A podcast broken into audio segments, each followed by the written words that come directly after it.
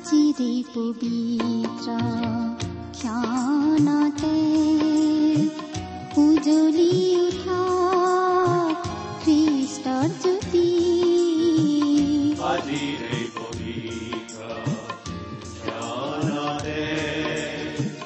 উজ্বলি উঠা খ্ৰীষ্টৰ জ্যোতি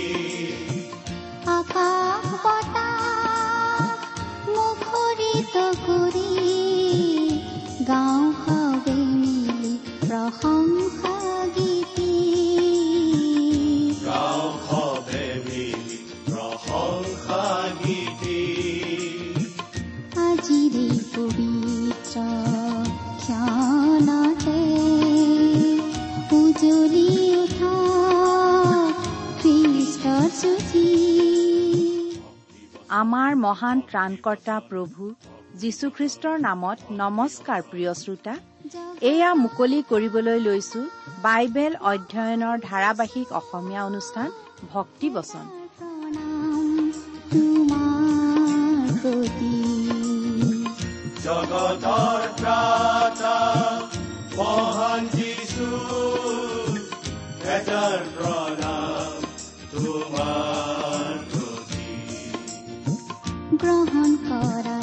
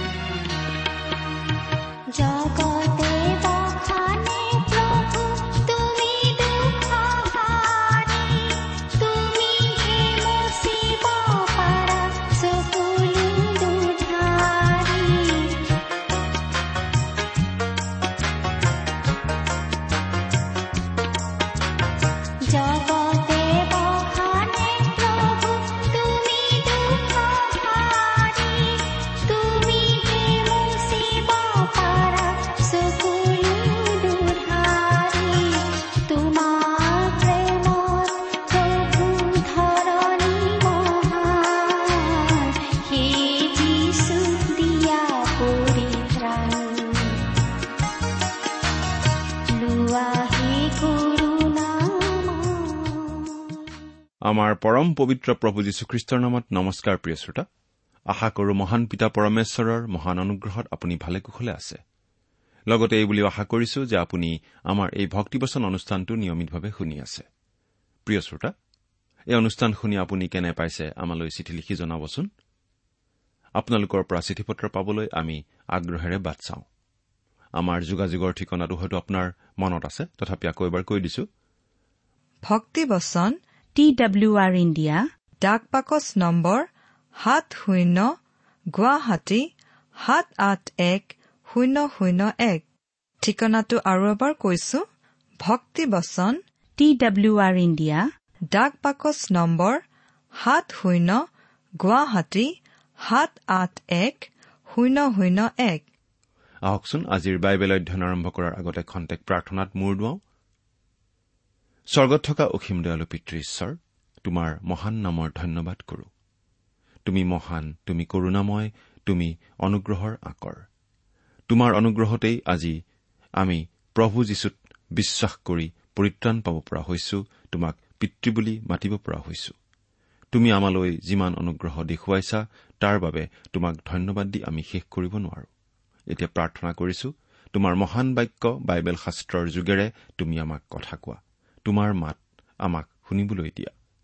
কিয়নো এই প্ৰাৰ্থনা আমাৰ মহান ত্ৰাণকৰ্তা প্ৰভু যীশুখ্ৰীষ্টৰ নামত আগবঢ়াইছো।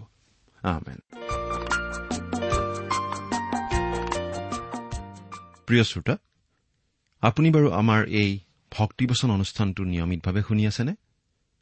আপুনি যদিহে আমাৰ এই অনুষ্ঠানটো নিয়মিতভাৱে শুনি আছে তেনেহলে আপুনি এই কথা নিশ্চয় জানে যে আমি এতিয়া বাইবেলৰ নতুন নিয়ম খণ্ডৰ তিতৰ প্ৰতি পত্ৰ নামৰ পুস্তকখন অধ্যয়ন কৰি আছো। নহয় জানো?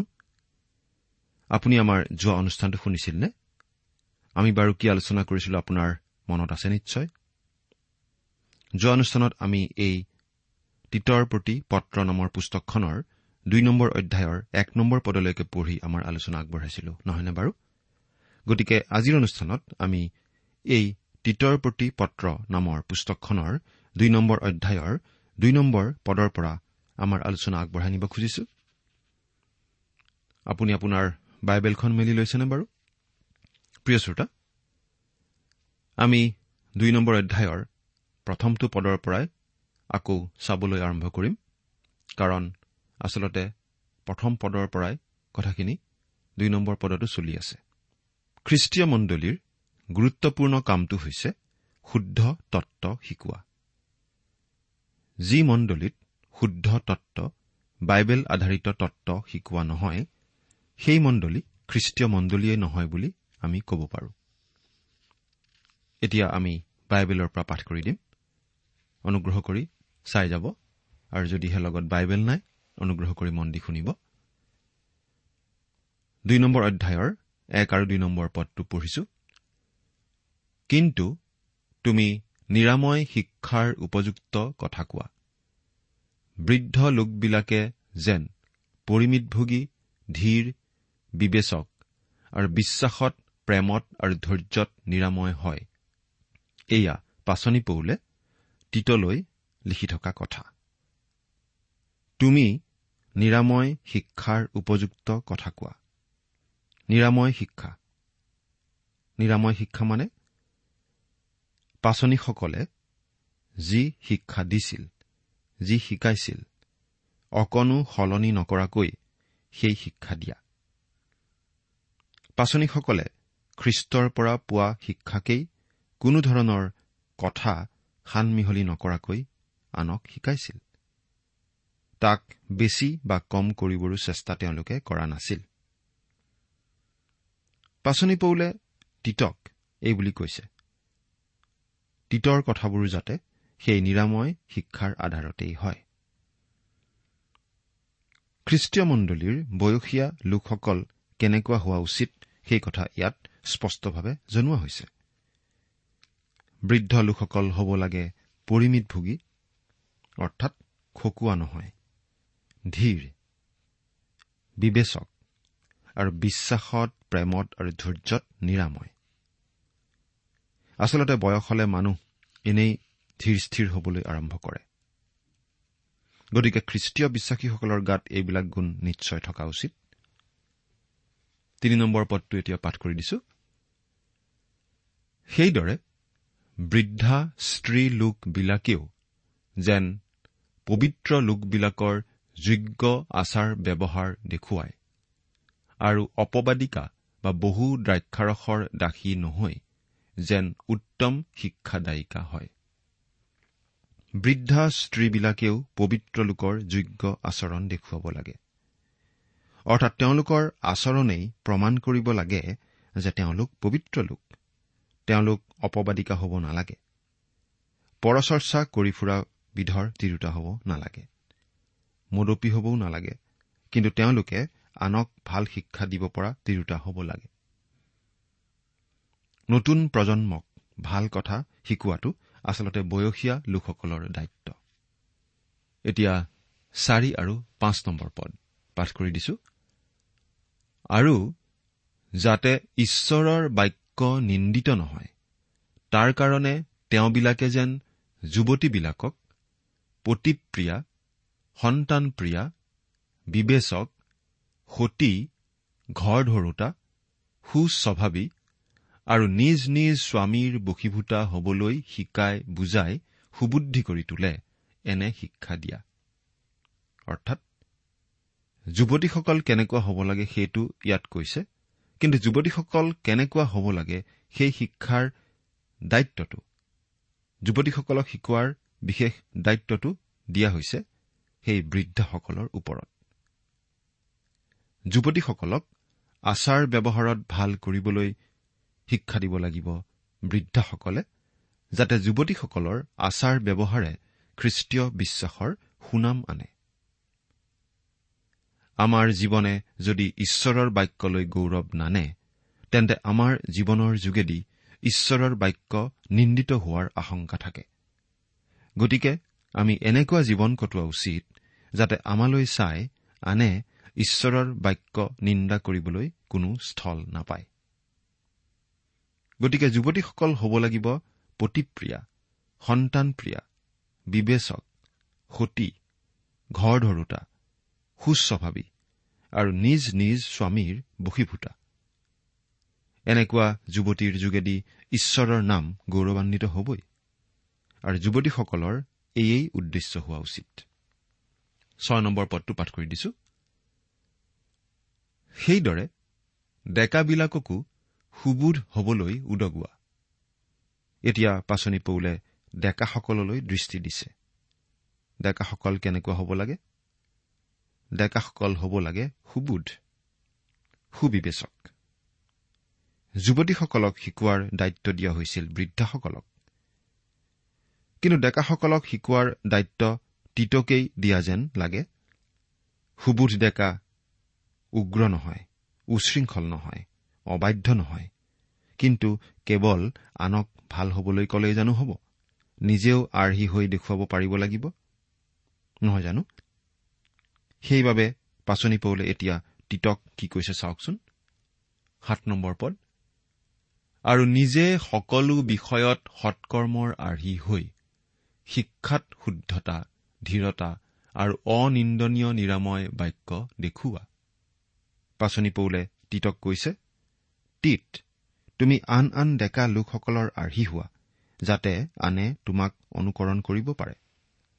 সকলো বিষয়ত সৎকৰ্মৰ আৰ্হি হবলৈ কোৱা হৈছে অৰ্থাৎ জীৱনৰ সকলো বিষয়তে। সাধাৰণতে মানুহৰ সামাজিক আৰু পাৰিবাৰিক তথা ব্যক্তিগত জীৱনৰ চাল চলনত অলপ হলেও পাৰ্থক্য থাকে। মানুহে বাহিৰত সদায় ভাল দেখুৱাব খোজে কিন্তু ব্যক্তিগত জীৱনত মানুহ তেনেকুৱা ভাল নহবও পাৰে। কিন্তু খ্ৰীষ্টীয় বিশ্বাসীসকলে সকলো বিষয়ত সৎ হবলৈ চেষ্টা কৰা উচিত। শিক্ষাত শুদ্ধতা। নিজৰ কথাৰে নহয় কিন্তু একমাত্ৰ ঈশ্বৰৰ বাক্যৰ আধাৰত শিক্ষা দিয়া উচিত। যি শুদ্ধ তাকেই শিকোৱা উচিত। যি কথা গুৰুত্বপূৰ্ণ সেই কথা গুৰুত্ব দি কোৱা উচিত। কেৱল শুদ্ধতাই নহয় ধীৰতা আৰু অনিন্দনীয় নিৰাময় বাক্যও অৰ্থাৎ ঈশ্বৰৰ বাক্যৰ সুস্পষ্ট প্ৰভাৱ প্ৰকাশ পাই উঠিব লাগে তেওঁলোকৰ জীৱনৰ যোগেদি। আঠ নম্বৰ পদ। যাতে বিৰোধী মানুহে আমাৰ বিষয়ে কোনো কুকথা কবলৈ নোপোৱাত লাজ পাব। খ্ৰীষ্টীয় বিশ্বাসীসকলে এই কথাটো সদায় মনত ৰখা উচিত যে এই জগতত ছয়তানৰ শক্তিবোৰে খ্ৰীষ্টীয় বিশ্বাসী লোকসকলক সদায় আক্ৰমণ কৰি থাকে বিভিন্ন ধৰণে। একো কৰিব নোৱাৰিলেও অন্ততঃ অপবাদ দিব খোজে অহেতুক কটু সমালোচনা কৰি চৰিত্ৰ হনন কৰিব খোজে। গতিকে খ্ৰীষ্টীয় বিশ্বাসীজনে এনেকুৱা জীৱন কটোৱা উচিত যাতে বিৰোধী লোকসকলে একো খুট আঙুলিয়াই দিব নোৱাৰে।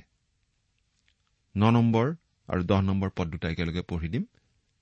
দাসবিলাকে যাতে আমাৰ ত্ৰাণকৰ্তা ঈশ্বৰৰ শিক্ষা সকলো বিষয়তে ভূষিত কৰে। তাৰ কাৰণে নিজ নিজ প্ৰভুৰ বশীভূত আৰু সকলো বিষয়তে সন্তোষদায়ক হবলৈ উত্তৰা উত্তৰি আৰু হাত লৰ নকৰি সকলোতে উত্তম বিশ্বস্ততা দেখুৱাবলৈ তেওঁবিলাকক উদগোৱা। এই পত্ৰ লিখাৰ সময়ত সমাজত দাস প্ৰথা চলি আছিল। বহুতো দাস খ্ৰীষ্টলৈ আহিল। বহুতো দাস খ্ৰীষ্টীয় বিশ্বাসী হৈছিল।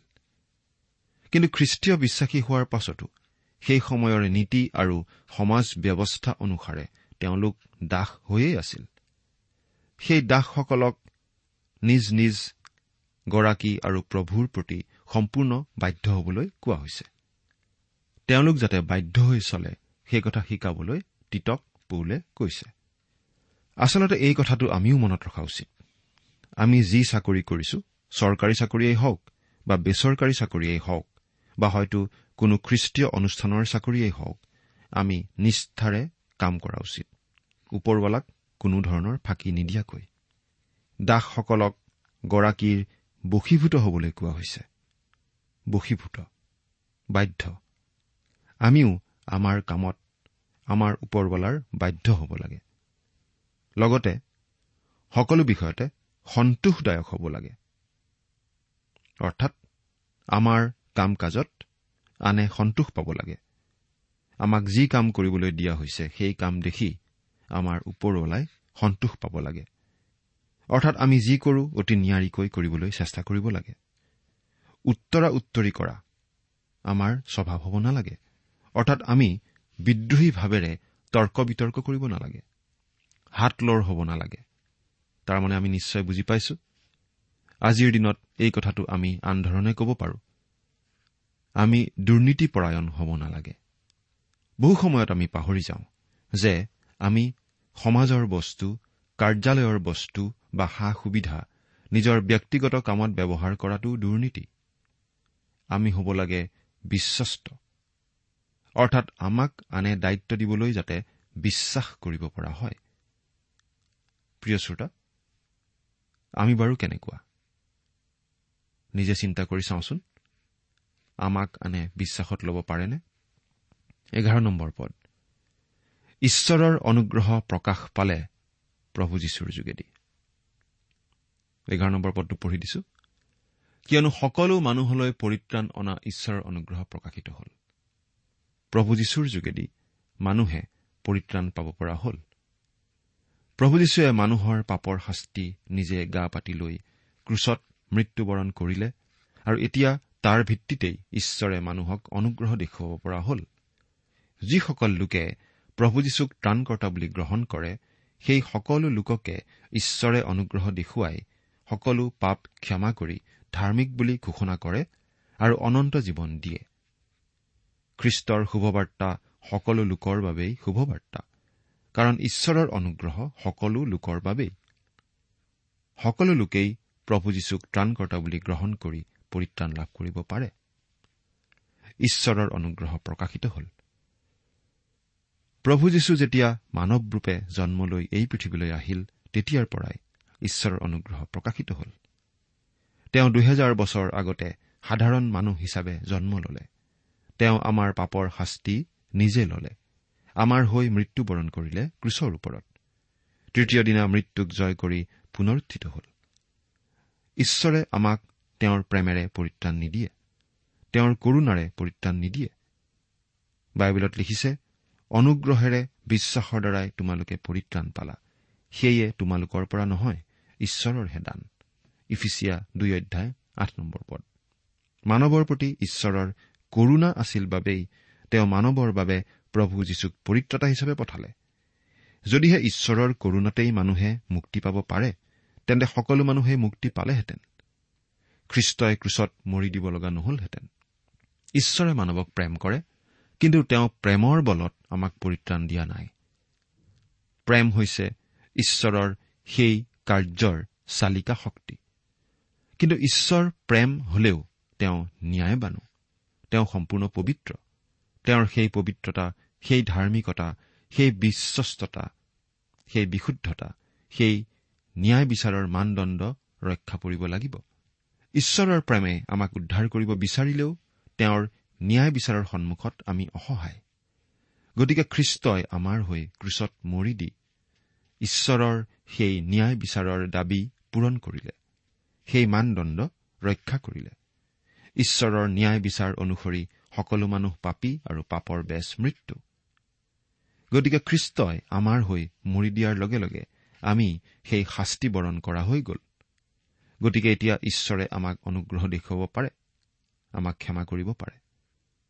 কি সুন্দৰ কথা।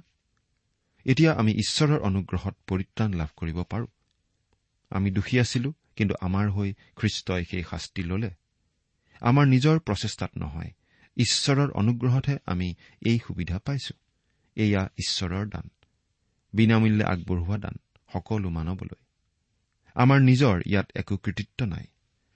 ঈশ্বৰে আমাক ধৰ্ম কৰ্ম কৰি উদ্ধাৰ পাবলৈ কোৱা নাই কাৰণ সেইটো আমাৰ বাবে সম্ভৱ নহয়। তেওঁ আমাক কৈছে বিশ্বাস কৰিবলৈ তেওঁত ভৰসা কৰিবলৈ আৰু খ্ৰীষ্টকেই ত্ৰাণকৰ্তা বুলি গ্ৰহণ কৰিবলৈ। মানৱৰ মুক্তিৰ পথ ঈশ্বৰেই প্ৰস্তুত কৰিলে যীশুখ্ৰীষ্টৰ যোগেদি। তেওঁৰ পথ শ্ৰেষ্ঠ পথ একমাত্ৰ পথ। বাৰ আৰু তেৰ নম্বৰ পদ।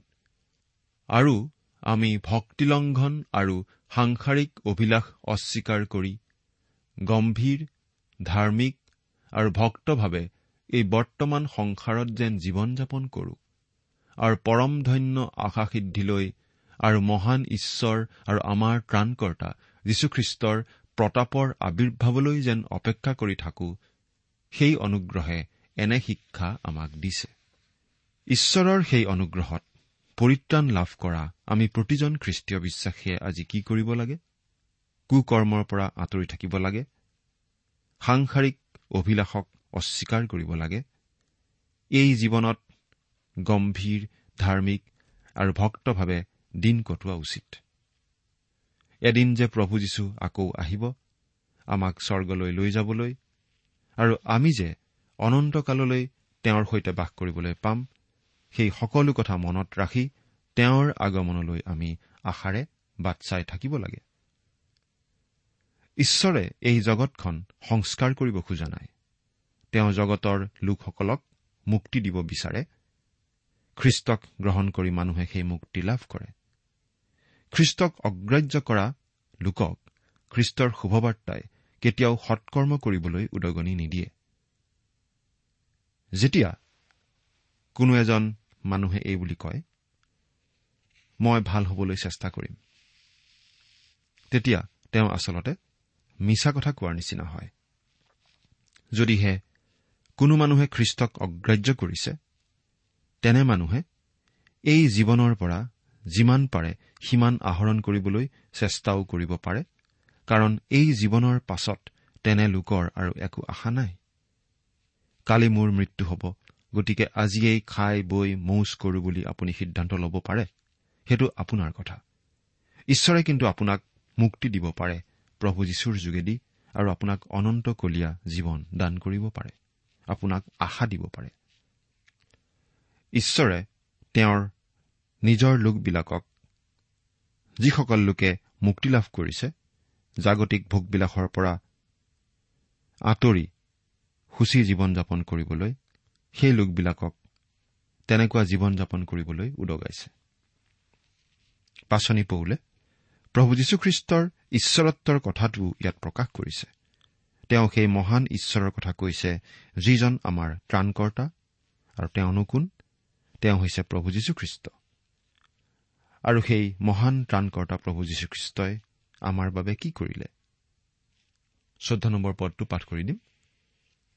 ইয়াত এনেদৰে লিখিছে তেওঁ আমাক সকলো অধৰ্মৰ পৰা মুক্ত কৰিবলৈ আৰু সৎকৰ্মত উদ্যোগী নিজ অধিকাৰস্বৰূপ এটি লোকসমূহ নিজৰ অৰ্থে সূচী কৰিবলৈ আমাৰ কাৰণে নিজকে দান কৰিলে।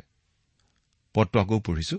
তেওঁ আমাক সকলো অধৰ্মৰ পৰা মুক্ত কৰিবলৈ আৰু সৎকৰ্মত উদ্যোগী নিজ অধিকাৰস্বৰূপ এটি লোকসমূহক নিজৰ অৰ্থে সূচী কৰিবলৈ আমাৰ কাৰণে নিজকে দান কৰিলে। তেওঁ আমাৰ বাবে নিজকে উচৰ্গা কৰিলে। নিজকে বলিদান দিলে। কিয়? যাতে তেওঁ আমাক মুক্তি দিব পাৰে। আমাৰ হৈ তেওঁ মুক্তিৰ মূল্য দিলে। কিয়? যাতে তেওঁ আমাক মুক্তি দিব পাৰে। কিহৰ পৰা মুক্তি দিব পাৰে? যাতে তেওঁ আমাক সকলো অধৰ্মৰ পৰা মুক্তি দিব পাৰে। আৰু সৎকৰ্মত উদ্যোগী নিজ অধিকাৰস্বৰূপ এটি লোকসমূহক নিজৰ অৰ্থে সূচী কৰিবলৈ। এটি লোকসমূহ অৰ্থাৎ তেওঁৰ নিজৰ বিশেষ আছুতীয়া লোক আনতকৈ এই জগততকৈ বেলেগ ধৰণৰ লোক। প্ৰিয় শ্ৰোতা প্ৰভু যীশুখ্ৰীষ্টই আজি তেওঁৰ বিশ্বাসীসকলক আছুতীয়া লোক হিচাপে পাবলৈ বিচাৰে। প্ৰিয় শ্ৰোতা এই কথা সঁচা যে আপুনি ঈশ্বৰৰ হকে জীয়াই থকাটো ঈশ্বৰে বিচাৰে। আৰু আপুনি সৎকৰ্ম কৰি জীয়াই থকাটো ঈশ্বৰে বিচাৰে। কিন্তু তাৰ আগতে তেওঁ আপোনাক মুক্তি দিব লাগিব। প্ৰভু যীশুক গ্ৰহণ কৰাৰ দ্বাৰা আপুনি পৰিত্ৰাণ লাভ কৰিব লাগিব আৰু তাৰ পাছতহে আপুনি তেনেকুৱা সূচী জীৱন কটাব পাৰিব। পদ। তুমি এইবোৰ কথা কৈ সম্পূৰ্ণ ক্ষমতাৰে উদগোৱা আৰু অনুযোগ কৰা। তোমাক হেয়জ্ঞান কৰিবলৈ কাকো নিদিবা। পৌলে তিতক কৈছে তুমি এজন ডেকা মানুহ।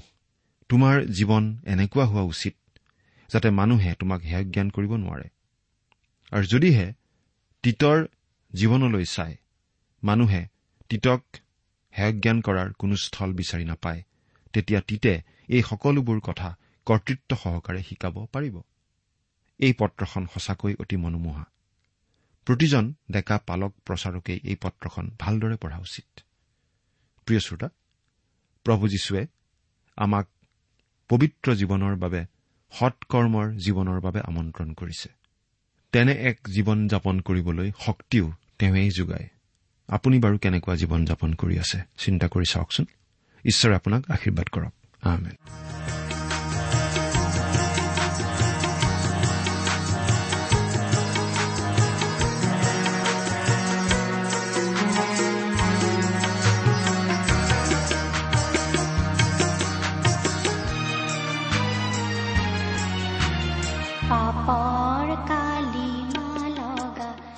ইমান পৰে আপুনি ভক্তিবচন অনুষ্ঠানটি শুনিলে।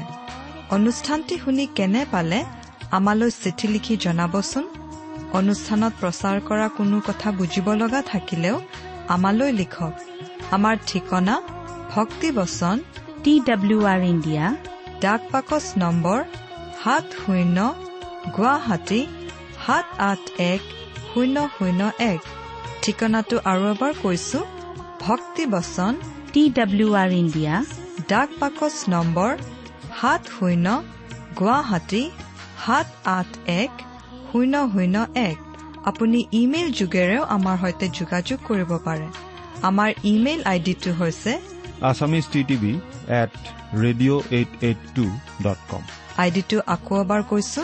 Assamese T TV at radio' eight eight two dot com. আপুনি টেলিফোনৰ মাধ্যমেৰেও আমাক যোগাযোগ কৰিব পাৰে। আমাৰ টেলিফোন নম্বৰটো হৈছে শূন্য তিনি ছয় এক দুই ছয় শূন্য চাৰি ছয় সাত এক। ফোন নম্বৰটো আকৌ এবাৰ কৈছো zero' three six one two six zero' four six seven one. আজিৰ অনুষ্ঠানটি ইমানতে সামৰিছো। ঈশ্বৰৰ শান্তি আৰু অনুগ্ৰহ আপোনাৰ লগত থাকক। ধন্যবাদ।